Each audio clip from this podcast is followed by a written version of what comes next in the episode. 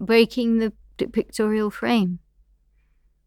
How the pictorial frame gets placed into a geopolitical frame, really. You know, it's not it's, it's, how that illusion gets played out into social political framework. Know? I think that's really one of the fundamental questions in my work. Yeah.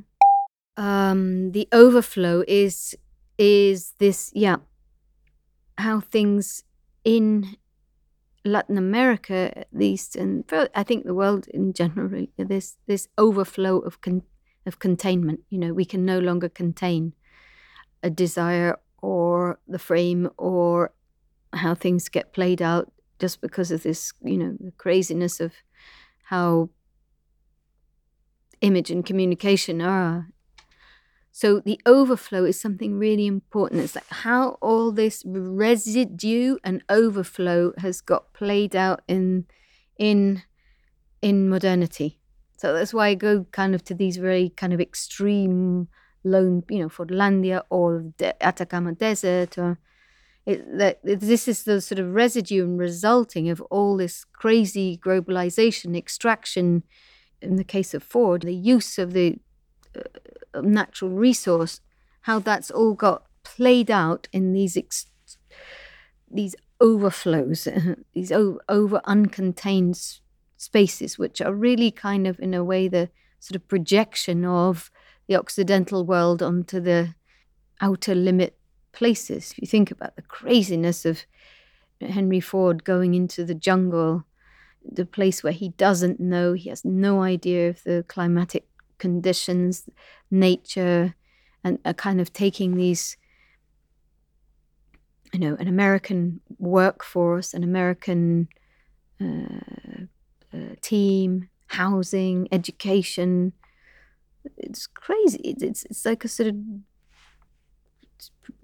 desire, this, this uh, projection of the desire of the exotic in these places. Of course, it was going to be a disaster, you know. Thinking about Chile as well, in the Atacama Desert, it's sort of man's going to these places where he shouldn't go. You know, this is, these are in the desert, there's no, very little life. It's not about the Anthropocene in these places. It, it has a, a kind of ecosystem of its own, you know. So my work has always been uh, about this this overflow of all this artificiality in these outer limit places and also questioning now that nowadays of course those wouldn't be they're not outer limit nothing is outer limit anymore it's a kind of landscape and time are all twisted and mixed up and i thought immediately of the piece which has got an impossible title uh, called um, Irreversible, un- Illegible, un- Unstable. There, where all these um, shards, tepalcates in Spanish, where they, which were made in a workshop with different people over a week. That you know, there's thousands of them, bits that we made objects and then we smashed them and then all these objects all get mixed up into this one big piece. And in that piece, uh, obviously, there's a questioning of archaeology and history. But it this piece, the title refers to the th- three fundamental premises of restoration, which are when you know restorers they have to when they're you know, reconstructing a pot, a plate, whatever, they have to be considerate that the object, they have to stabilize the object from its past. You know, they have to make a kind of a piecing together of what it was in the past. And they have to make it readable. So they, you know, legible. They have to make some senses as to what that was in a certain history, you know, and then they have to make it uh, reversible. That means that anything that they piece together, they have to be able to take it apart to ana- analyze it within its historic context again and again. Um, and this has happened with the masks, uh, Mexican, which over and again they've become reinterpreted and reinterpreted and reinterpreted many times. So they have to be able to be able to put them together, take them apart, put them together, take them apart. So this piece was about this um, kind of a non-classification of history, really. What we will have in the sala is um, kind of these objects where all the different shards of different things, I will be kind of placing them together then to, to make a kind of component of stuff that doesn't really make sense. That I, you know, I and I feel like I can. That process happens in the paintings, it happens in the films, and it happens in object making, where there's disjunctures and disclassifications of times um, repeat. It happens and again and again. And hopefully, in the best of cases, a kind of new time or a new present is is is formed. But it's also this um, how those histories get fractured today. That's really important, I think. Questioning of those histories. The past is never fixed. Your past is always questionable quite often there's an, an original story, or then there might be Henry Ford in the middle, or I've done something with Diego Rivera, I've done something with Edward James, I, and then there's me. So there, there's the original story or history, then that other person in modernity, and then me.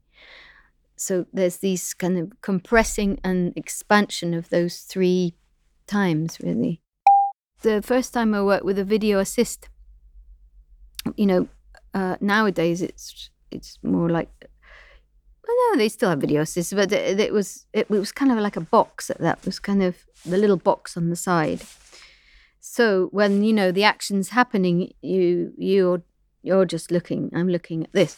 So sometimes I'd see these people when you're trying to film the real thing, the all the action that's kind of behind. People are kind of walking in and out, or just if you're doing a rehearsal and so for me, this framing is the video assist is something really important because it, it dictates totally how I frame something. So then there became this kind of interest. I got interested in this, like what was going on in front of the camera, and then this moment of the like what's going on behind the camera. And then I think the the use of these different textures. Again, it's a, a kind of denial or a break, wanting to break with the tradition of one sort of straight narrative. So for me, it was kind of breaking up this one line narrative of what your work is from the beginning to the end of your life kind of thing and just kind of you know the next project becomes a consequential kind of development of the the first idea and then those over 20 years those ideas get kind of repeated probably and just then you can recognize oh that's so and so you know? Uh, this is a so and so film. This is a so and so painting. This is a so and so because it's slightly schizophrenic you know? I'm kind of like five artists in one studio. But this is, I think, this is the way that I am. And this is, after many years, this is the way that I'm understanding that, all these different ways form one strangeness moment. Texture has to go with what the moment suggests. I don't think kind of using surveillance cameras in the Xilitla would have been a great idea. You know, um, uh, surveillance cameras were in the Bosch project, in the Fake and Fast, were about capturing different moments from different angles. It, you know, again, the gaze from different angles. Aztec Stadium, it was about using the idea of commercial media image a couple of years ago, I made a piece on Skype. You know, I filmed through the image on Skype. And so I was sitting in my studio and someone else was filming like miles away. So again, it's talking about this kind of farness and nearness of fiber optics that we have now. So one is that it's a, the suggestion of what the project is, and two is to kind of make these sort of it's a palimpsest of these different jarrings that that, that, that make it just because I I can't be continuous. but I've learned that that con- continuity is through constellating, and I think this is something really important that comes out in the show. It's a, it's, it's constellating image. You know that it you take something from one place, you take something from another place, you take something, and you make this something, you know, new. In Mexico, I feel that there's a kind of subjugation of, of the female. It's very, very male oriented uh, art scene, I would say. And I think it's, there are definitely more, you know, younger, younger women starting and, and few probably of my generation. I think, in a sense, I try to not take these things head on. I tried. I've, I think I've just tried always to just keep going, and for me, to to kind of step up and compete with that is something that I'm not really necessarily interested in. You know, I think it's it's not. I certainly I don't want to be a man. I think it's to explore my own world, understand a certain kind of contingency in a way in a feminist uh, posture rather, or, or, position. So for me, if there is a feminist position in my work, it's much more to do with a kind of undercover subterfuge and contingency as a as a posture, really. But dealing with that uh, right from the beginning as well, yeah, you have to learn to mm, assume that. I think that there's there's advantages and there's big disadvantages as well. I feel like how that's played out in my work perhaps comes through humor more, perhaps comes through the way in which I produce is quite often. I mean, you know, I'm quite often have to say they're male teams, male thing, male.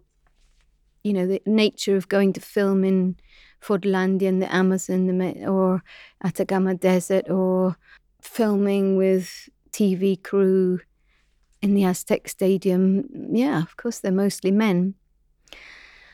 So you have to maintain a, a position of, um, I guess it's, uh, there is a constant feeling of having to, you know, try to, to remain and keep that respect, which is quite hard sometimes. And especially as a blonde woman, although I've never wanted to bring that into my work, it, it kind of comes in through the process of making things. I'm not interested in making that as the subject of my work. Uh, I think that is much more, it takes on a much more complex form in my work, but it is sort of, you know, using myself as a political subject as for a foreigner, I think it's incorporated in a much more sort of complex way.